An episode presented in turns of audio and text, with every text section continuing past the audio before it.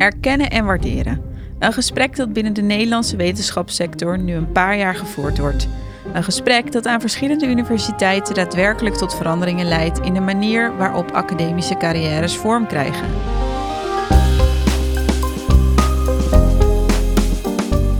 Medio 2022 is daarom een goed moment voor de jonge academie om met hoogleraren door te praten over dit onderwerp.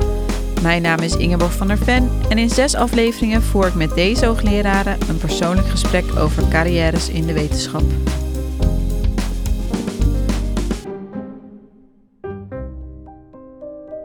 Vandaag spreek ik met Dorette Boomsma. Meest bekend en geroemd voor haar tweelingenregister, waar inmiddels 100.000 twee- en meerlingen in geregistreerd staan. Ook familieleden doen mee. Data voor onder andere genetisch onderzoek. Boomsma is nu bijna 25 jaar hoogleraar biologische psychologie aan de Vrije Universiteit van Amsterdam. En eind vorig jaar publiceerde Nature Communications het resultaat van een groot internationaal onderzoek waar Boomsma ook aan meedoet. Het resultaat: de biologische verklaring voor het ontstaan van een-eiige tweelingen. Dorette, welkom. Dankjewel. Het onderwerp van deze podcast is aan de top. Dat is natuurlijk een mega begrip. Maar dan wil ik eerst aan jou vragen: dat aan de top komen, was dat keihard werken? Of denk je dat geluk ook een rol heeft gespeeld? Ja, is het, is het heel saai als ik zeg alle twee? Het is en, en heel hard werken. Dat begint natuurlijk ja, op het moment dat je het geluk hebt om aan een proefschrift te mogen gaan werken. Ehm, ik denk dat bijna iedereen die een promotie heeft meegemaakt, weet dat dat heel hard werken is. En een geluksfactor moet ook zeker een rol spelen. Ehm, dat je, nou, ik kan één voorbeeld geven van een extreme geluksfactor, als het dat mag. Ja, zeker. Ik deed mijn promotieonderzoek bij Amsterdamse tweelingfamilies. En nou, wij merkten hoe ontzettend vruchtbaar die benadering was om allerlei vragen te beantwoorden over welke rol speelt genetica in het verklaren van verschillen tussen mensen. En op een gegeven moment ontstond de gedachte van, ja, als dit zo goed werkt, dat tweelingonderzoek, dan zou het eigenlijk heel fijn zijn om een eigen tweelingenregister te hebben. En toen waren er twee geluksmomenten, als het ware. Mm de hoogleraar bij wie ik promoveerde, professor Orlebeke, die had een buurman, die was het hoofd van de felicitatiedienst in Nederland. Dus ik weet niet of je herinnert dat tot voor kort bij ouders die een baby hadden, daar kwam dan een organisatie op bezoek. Die heette bijvoorbeeld Hello Baby. Okay. En die hadden een grote doos bij zich met producten voor pasgeboren kinderen. De blije doos toch? De blije doos. Ja, nou, precies. Heeft dat nog gehad. Ja, ja. ja, ja. En die buurman zei: Oh, nou, dan mogen jullie wel een folder voor je tweelingenregister uh, bij mij achterlaten. En als mijn uh, bezoekdames dan ergens komen waar een tweeling is, wow. dan laten ze die folder achter. En dan kunnen uh, de jonge ouders hun kinderen inschrijven in het tweelingenregister. Over heel Amsterdam? Nee, over heel Nederland. Over heel Nederland, ja, oké. Okay. Ja, ja, dat is dus, een fijne start. Dus Oké, okay, dus dat was het begin van wat wij het jonge tweelingenregister noemen. Ja, ja dat is een enorme mazzel. Ja. Nou, en het tweede was, we hadden een uh, hele ondernemende doctoraalstudenten. Mm -hmm. En die zei, uh, nou, ik, jullie hebben de gemeente Amsterdam gevraagd of tweelingen willen meewerken. Ik ga gewoon alle Nederlandse gemeentes in uh, heel Nederland een brief schrijven om te vragen of we tweelingen die in hun gemeente wonen mogen benaderen met de vraag of ze mee willen doen aan onderzoek. Nogal, nogal een opdracht toch voor haar om te gaan doen. Ja, maar ja. dat heeft ze gewoon gedaan. Ja. En een heleboel gemeentes hebben ook gewoon meegewerkt. Ja, wat goed. Dus dat is wat jij bedoelt, je moet de uren erin steken, maar het moet ook dan maar net allemaal zo op je pad komen. Dat je de juiste contacten hebt of mensen ergens op aangaan. Ja, ja, en iemand die een buurman heeft die het hoofd is van zo'n felicitatieservice, ja, dat is een geluksfactor. Geluksmoment natuurlijk.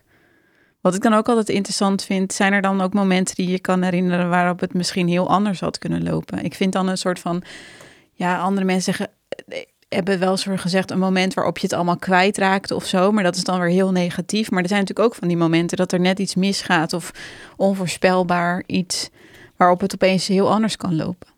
Nou ja, in het leven van iedere wetenschapper, denk ik, zijn die momenten aanwezig. Mm -hmm. Of bijna iedere wetenschapper, moet ik zeggen. Je hebt jaren dat het heel voorspoedig gaat. Want als wetenschapper ben je uiteindelijk iemand die voortdurend zijn eigen geld moet binnenhalen Ja. voor het onderzoek. Ja, Dus je kunt jaren hebben dat het heel voorspoedig gaat. Je zit in een groot Europees consortium waar een subsidie wordt toegekend. Je krijgt een persoonlijke subsidie. In hetzelfde jaar misschien nog een prijs.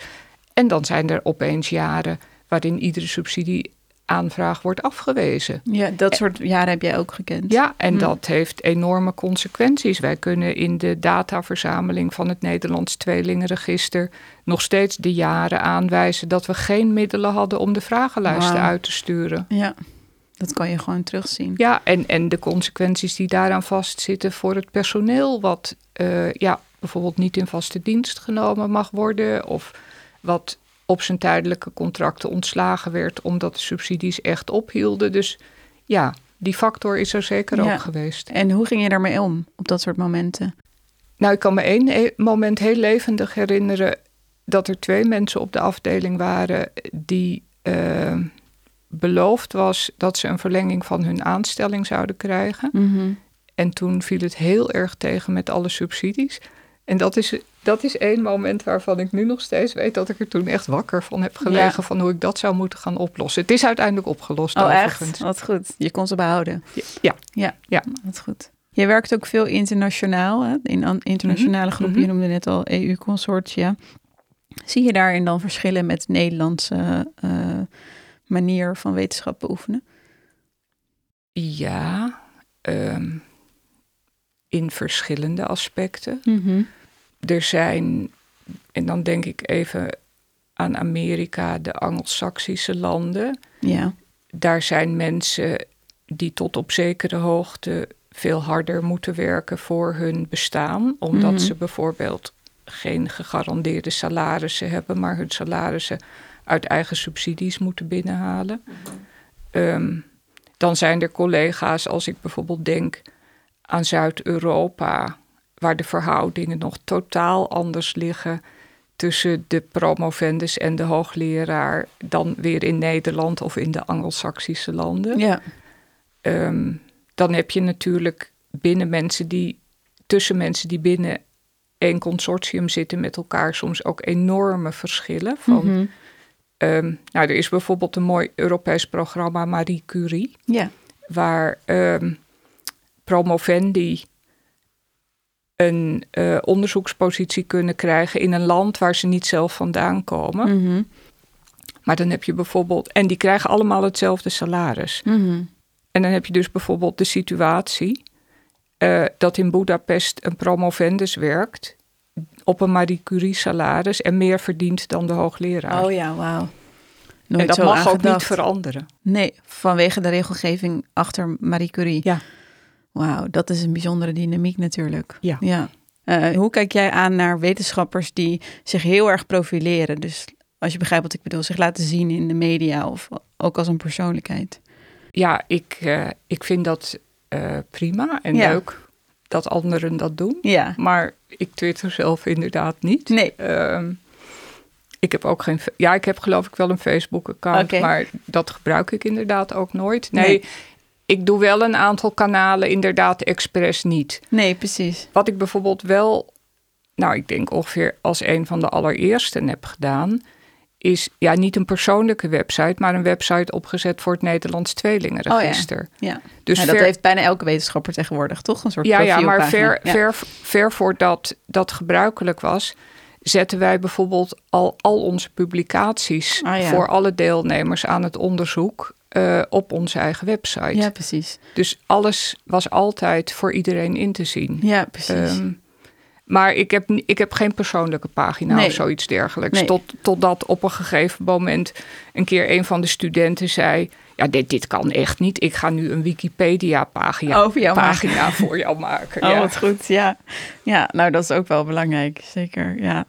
En is dat dan een echt een bewuste keuze voor jou om, je daar, om, de, om dat te scheiden van elkaar? Hè? Dus het onderzoek, ben ik gewoon naar nieuwsgierig naar, Ja, geen ja, waardeoordeel, maar eh, dat, dat het onderzoek dan de, de, de prominente plek krijgt en wie jij bent als persoon of... Nou, ik denk dat het reflecteert wie, wie ik ben Oh, als ja. persoon. Ja. Eh, dus het is niet zeg maar een beredeneerde keuze. Nee, Maar ik denk dat het iets is wat bij mij past. wat, hoe jij het doet. Ja. Ja. Ik ga toch die vraag stellen waarvan jij net aangaf dat het uh, een, een spannende vraag is. Maar aan de top staan, wat betekent dat voor jou? Ja, tot op zekere hoogte. Het is A al heel erg moeilijk van jezelf om te zeggen dat je aan de top staat. Zeker. Niemand in deze serie kan dat voor zichzelf echt uh, concreet maken. Ja, klopt. En het is ook een beetje, het is gewoon ook aan de andere kant mijn dagelijks leven. Ja, precies. Dus dat is dat, nou ja, dat is dat voorbeeld van aan een vis vragen hoe het is om in het water te zwemmen. Ja, je doet het elke dag aan de top staan. Nou ja, ik doe elke dag mijn werk en Ja. dat, dat is op een bepaalde manier. En ja, misschien is het ook goed dat je niet uit het oog verliest tegelijkertijd dat met de positie die je hebt bereikt, sommige dingen dan ook veel makkelijker Mhm. voor je worden. Mhm. Ehm, Zoals? nou, de toegang tot kennis. Ehm, als je een keertje bijvoorbeeld iets niet weet, dat je Mhm. altijd weet met wie je even contact kan opnemen. En dat je dan bijvoorbeeld ook de zekerheid hebt dat je altijd antwoord krijgt. Ja, Hè? Ja, Want, omdat jij Dorette Boomsma bent. Ja. ja, of omdat je zo lang meeloopt en een groot netwerk hebt van mensen die in eenzelfde soort positie zitten, dat ze jouw afzender ook herkennen als jij in hun e-mailbox ja, verschijnt. precies. En ook waarde kunnen schatten ook meteen. Misschien, Ja. maar ja, een e-mail van een onbekende leggen ze misschien terzijde en die van mij maken ze open. Ja. Terwijl die onbekende, bijvoorbeeld een van mijn AIO's, dezelfde zinnige vraag zou kunnen hebben als ik in Ja. wetenschappelijk opzicht. Dus dat soort dingen maakt het leven natuurlijk ook op een gegeven moment gewoon de toegang die je hebt tot kennis. Bijvoorbeeld Mhm. kennis die nog niet gepubliceerd is, of iets wat je niet begrijpt, of dat je je afvraagt van eh, hoe moeten we dat nou precies gaan doen? Ehm, naarmate je langer meedraait, wordt dat vanzelf gemakkelijker. Want in al die jaren heb je steeds meer mensen leren kennen. Mhm. En zie je daar voor jezelf een rol in dat je eh, jong talent of ehm, ehm, mm, startende wetenschappers wil eh, bemoedigen of ergens begeleiden in die carrièrekeuzes? Nou ja, het is heel leuk. We hadden het net over het netwerk. Ja. En een van mijn eh promovendi, die ongeveer een jaar geleden eh, haar proefschrift heeft ingeleverd. Dankzij dat netwerk, ik weet, ik weet vrij goed waar, waar haar interesses en ambitie liggen. En dankzij dat netwerk, toen ik deze zomer in Finland was, kon ik tegen zo'n hele goede collega zeggen: Heb jij niet een baan voor iemand die geïnteresseerd is in het volgende? Hm. En zij kan nu volgend jaar in Finland Oh, starten. Ja. Ja. Wat tegelijkertijd ook door mijn hoofd heen speelt, is dat ik uit een veld kom waar aan de ene kant ja, de hele wetenschap heel competitief is, Mhm. maar waar we aan de andere kant echt alleen nog maar iets kunnen bereiken door samenwerking. Oké. Dus het is niet toevallig dat het woord consortium al een aantal Ja. keren gevallen is. In de genetica is het ook niet meer mogelijk om een toppublicatie zonder samenwerking. Nou, laat ik het iets nuanceren. Mhm. In het subgebied van de genetica waar ik zelf in zit, Ja. is het eigenlijk niet mogelijk om een toppublicatie te realiseren zonder samenwerking. Hm. In de epidemiologie, de genetische epidemiologie, het type genetisch onderzoek wat wij doen, van het zoeken naar associaties tussen genetische varianten en uitkomsten. Daar zijn bijvoorbeeld zulke grote aantallen deelnemers bij nodig. Dat kunnen mensen niet meer alleen realiseren. En daar heb je dus de kracht van een hele onderzoeksgroep nodig. En dat is inderdaad heel erg moeilijk, want dat project kan niet gerealiseerd worden als niet al die mensen daaraan meewerken. En uiteindelijk zijn het dan toch meestal maar een paar mensen bij wie de erkenning het meeste valt. Als het lukt, wat je voor Ja, ogen had. Ja, En, en ons, hele, ons hele systeem van het toekennen van subsidieaanvragen ja, is daar ook helemaal niet op ingericht. interessant. Ja. Ehm, een project realiseren met, nou ja, bijvoorbeeld iemand die verstand heeft van de DNA-typeringen, die verstand heeft van de statistiek, die weet hoe die de deelnemers moet recruteren, die de, zoals dat heet, fenotypering kan doen, de uitkomsten eh, grootschalig kan meten. Mhm. ja, dat project, en zeker dan als het ook nog met meerdere groepen is, dat kan alleen maar door heel veel mensen gerealiseerd worden. Er bestaat niet één iemand die dat allemaal kan. Nee, en dan zegt NWO, eh, ja, wat zijn jouw eerste auteurspublicaties? Toptijdschriften hebben op een gegeven moment bijvoorbeeld gezegd: uh, wij publiceren niks meer als er niet in het artikel zelf een onafhankelijke replicatie staat. Ja. Dus ja, dan moet je naar een collega toe ja. en vragen of hij of zij jouw onderzoek wil repliceren, ja. kan repliceren. Ja. En wat vind je daarvan? Dat vind ik heel goed. Ja. ja. Ja, ja, want met name dan weer in die tak van genetica van associatieonderzoek Mhm. komen we uit een periode waarin dat niet gebeurde en waarin heel veel toevalsbevindingen zijn gepubliceerd. Ja. En nu zijn we daarin secuurder geworden door deze Zonder meer. nieuwe regels. Hm. Je noemde zelf net al het woord waardering, hè? Dat als je dan in zo'n samenwerking werkt, dat dan niet iedereen die misschien het verschil heeft gemaakt ook de waardering krijgt voor dat moment van eh, verschil. En dat is ook een interessant onderwerp wat we in alle gesprekken wel steeds een beetje aanstippen. Van wat betekent dat nou, dat waardering krijgen? Of ja, het andere mensen gebruiken het woord erkenning. Ik zit zelf ook nog steeds Mhm. te zoeken naar het onderscheid tussen de twee. Ehm, heb, jij daar, heb jij daar een beeld bij, wat voor jou erkenning is? Nou ja, Is dat zeg geld maar in, in, dat de, in de context waarin ik het aanhaalde als, als een groot probleem, Mhm. dat is dat ons subsidiestelsel juist heel erg de richting op is gegaan van het waarderen van het individu. Ik Ja. bedoel, nou, de uitdrukking persoonlijke subsidie, het Ja. hele veni-vidi-vici-stelsel, Ja, is, is ja, heel erg zich gaan toespitsen op de ene onderzoeker ja, in die zin is die discrepantie tussen de waarde van samenwerking, replicatie en dan toekennen van aanvragen heel erg toegespitst op individuele cv's een hele moeilijke spanning. ja, ja. En heb jij daar zelf ideeën bij hoe dat anders zou moeten? Maar daar heb ik niet een eenvoudige oplossing voor. Nee. Eh, nee, maar het is iets wat jij in je werk continu tegenkomt, dat dit wel een belemmering is. nou ja, continu, continu. Maar ja, ik, ik zie dat spanningsveld wel heel erg eh, zich voordoen. Ja.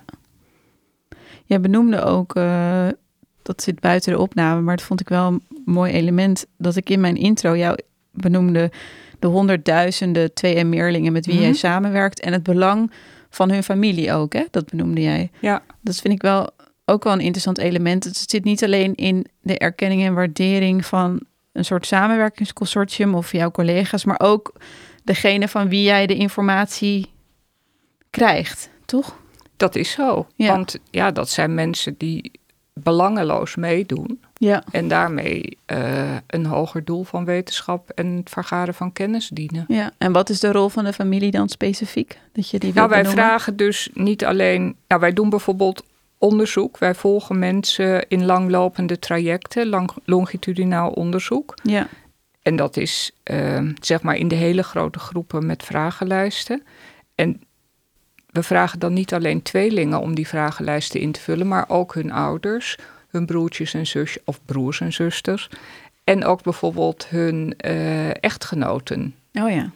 En ja, daarmee openen zich nog veel meer mogelijkheden voor het beantwoorden. Nou ja, bijvoorbeeld voor het beantwoorden van vragen op het gebied van intergenerationele transmissie. Mm. En Wat is dat specifiek voor mijn eh, kennis? eh? Ehm, wat dragen ouders over op hun kinderen? Ja. Dragen ze alleen maar hun genenpakket over en is het eigenlijk daarmee bekeken? ja, Of eh, doen ze ook nog iets in de opvoeding of in het milieu wat ze creëren voor hun kinderen? Ehm, of vragen over hoe komen processen van het uitzoeken van je partner tot stand? En Ja. met, met wie ga jij de volgende generatie weer Ja. creëren? En wat betekent dat in genetische zin? ja. Ga ik een hele spannende vraag stellen. Geef vooral geen antwoord als je het een gekke vraag vindt. Maar in het, in het kader van dit onderwerp en alle vragen die ik eh, de afgelopen weken mocht stellen, wat dan naar bijna bij mij nu naar boven komt, is van kunnen we daarin dan ook iets zeggen over die topwetenschapper? Wordt dat dan gecreëerd op basis van bepaalde genen of het milieu of het gezin waar je vandaan komt? Ja, nou ja, dan is het ook weer het iets wat saaie antwoord Ja, bij. allebei. Toch wel. Je kan, nou, dat, dat vind ik wel een van de schokkende ontdekkingen, gewoon op basis van onze eigen gegevens. Mhm. Genetica is een heel sterk verklaringsmodel, omdat je namelijk de helft van je genetisch materiaal krijgt van je vader, de andere helft van je moeder. Mhm. Ontstaan er in iedere generatie nieuwe unieke combinaties.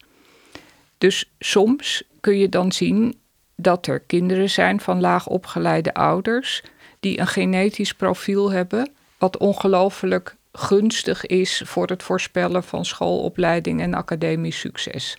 Ja. Die lage opleiding bij hun ouders, die kan overigens diverse oorzaken Ja, hebben precies. natuurlijk. Ja. Ehm, en wat wij nu zien in onze eigen gegevens, die kinderen die zijn er in iedere groep van de Nederlandse bevolking. Maar als ze in de laagste sociaal-economische milieus zitten, dan belanden ze aanzienlijk minder vaak Op een, op een HAVO of een VWO-opleiding dan het kind met hetzelfde genetische profiel wat in het hoogste milieu zit. Interessant. We hebben hoogleraren gehad die hadden thuis de toegang tot het heel, lezen van hele encyclopedieën. En die geven ook aan van ja, toen was ik een paar jaar oud en toen las ik daar al bepaalde onderdelen in. En dat zaadje voor die, dat enorme levenstoewijding aan dat onderwerp, dat begon toen al. Dat ik wel meteen dacht van ja, oh ja, heb ik thuis eigenlijk een encyclopedie gehad? Ja, dat had ik ook. Dat is natuurlijk wel een groot verschil of je dat hebt of niet in wat je ouders je aanreiken of iets of zo'n zaadje al. Ja, ik zou dan zeggen, ik, ik, krijgt. ik Ja. zou dan hopen dat je Mhm. in Nederland als kind opgroeit in een samenleving. Ook Ja. al staat die encyclopedie er niet thuis, Ja, dat de samenleving ervoor garant staat dat jij een scholing krijgt waar die, dat dan toch is. die nog Ja. steeds passend is bij jou. En dat is niet zo. En dat het in je wordt gezien. Ja, Nou, we hebben hele goede instrumenten in Nederland. Want die kinderen, die doen het namelijk in het algemeen heel erg goed op de CITO-toets. ja, Maar wij zien in onze eigen gegevensbestanden dat er kinderen zijn die 550, dat is de hoogste ja score, weet ik. Ja, halen op de CITO-toets en toch naar het VMBO gaan. wauw. Want dan zegt Ja, want. school Ja, dat het want. toch beter is. Wauw, dat is boeiend. Ja, Wij durven niet radicaal te zeggen, met die score ga je naar die school. nee. We zijn alweer door onze tijd heen. Het gaat ontzettend snel, eh Dorette. Ik wil je bedanken voor dit fijne gesprek. Dat ging van eh blije doos en het geluk wat je daarmee had via het verschil van Amerika en Anglo-Saxische landen ten opzichte van Nederland. We hebben het over Marie Curie gehad en alle corona-erfenissen. Ik vond het een mooi gesprek. Ik vond het heel erg leuk om te doen. Dankjewel. Dankjewel. Mijn laatste gesprek uit deze serie beluister je volgende week. Ik spreek met Klees de Vrezen, hoogleraar politieke communicatie.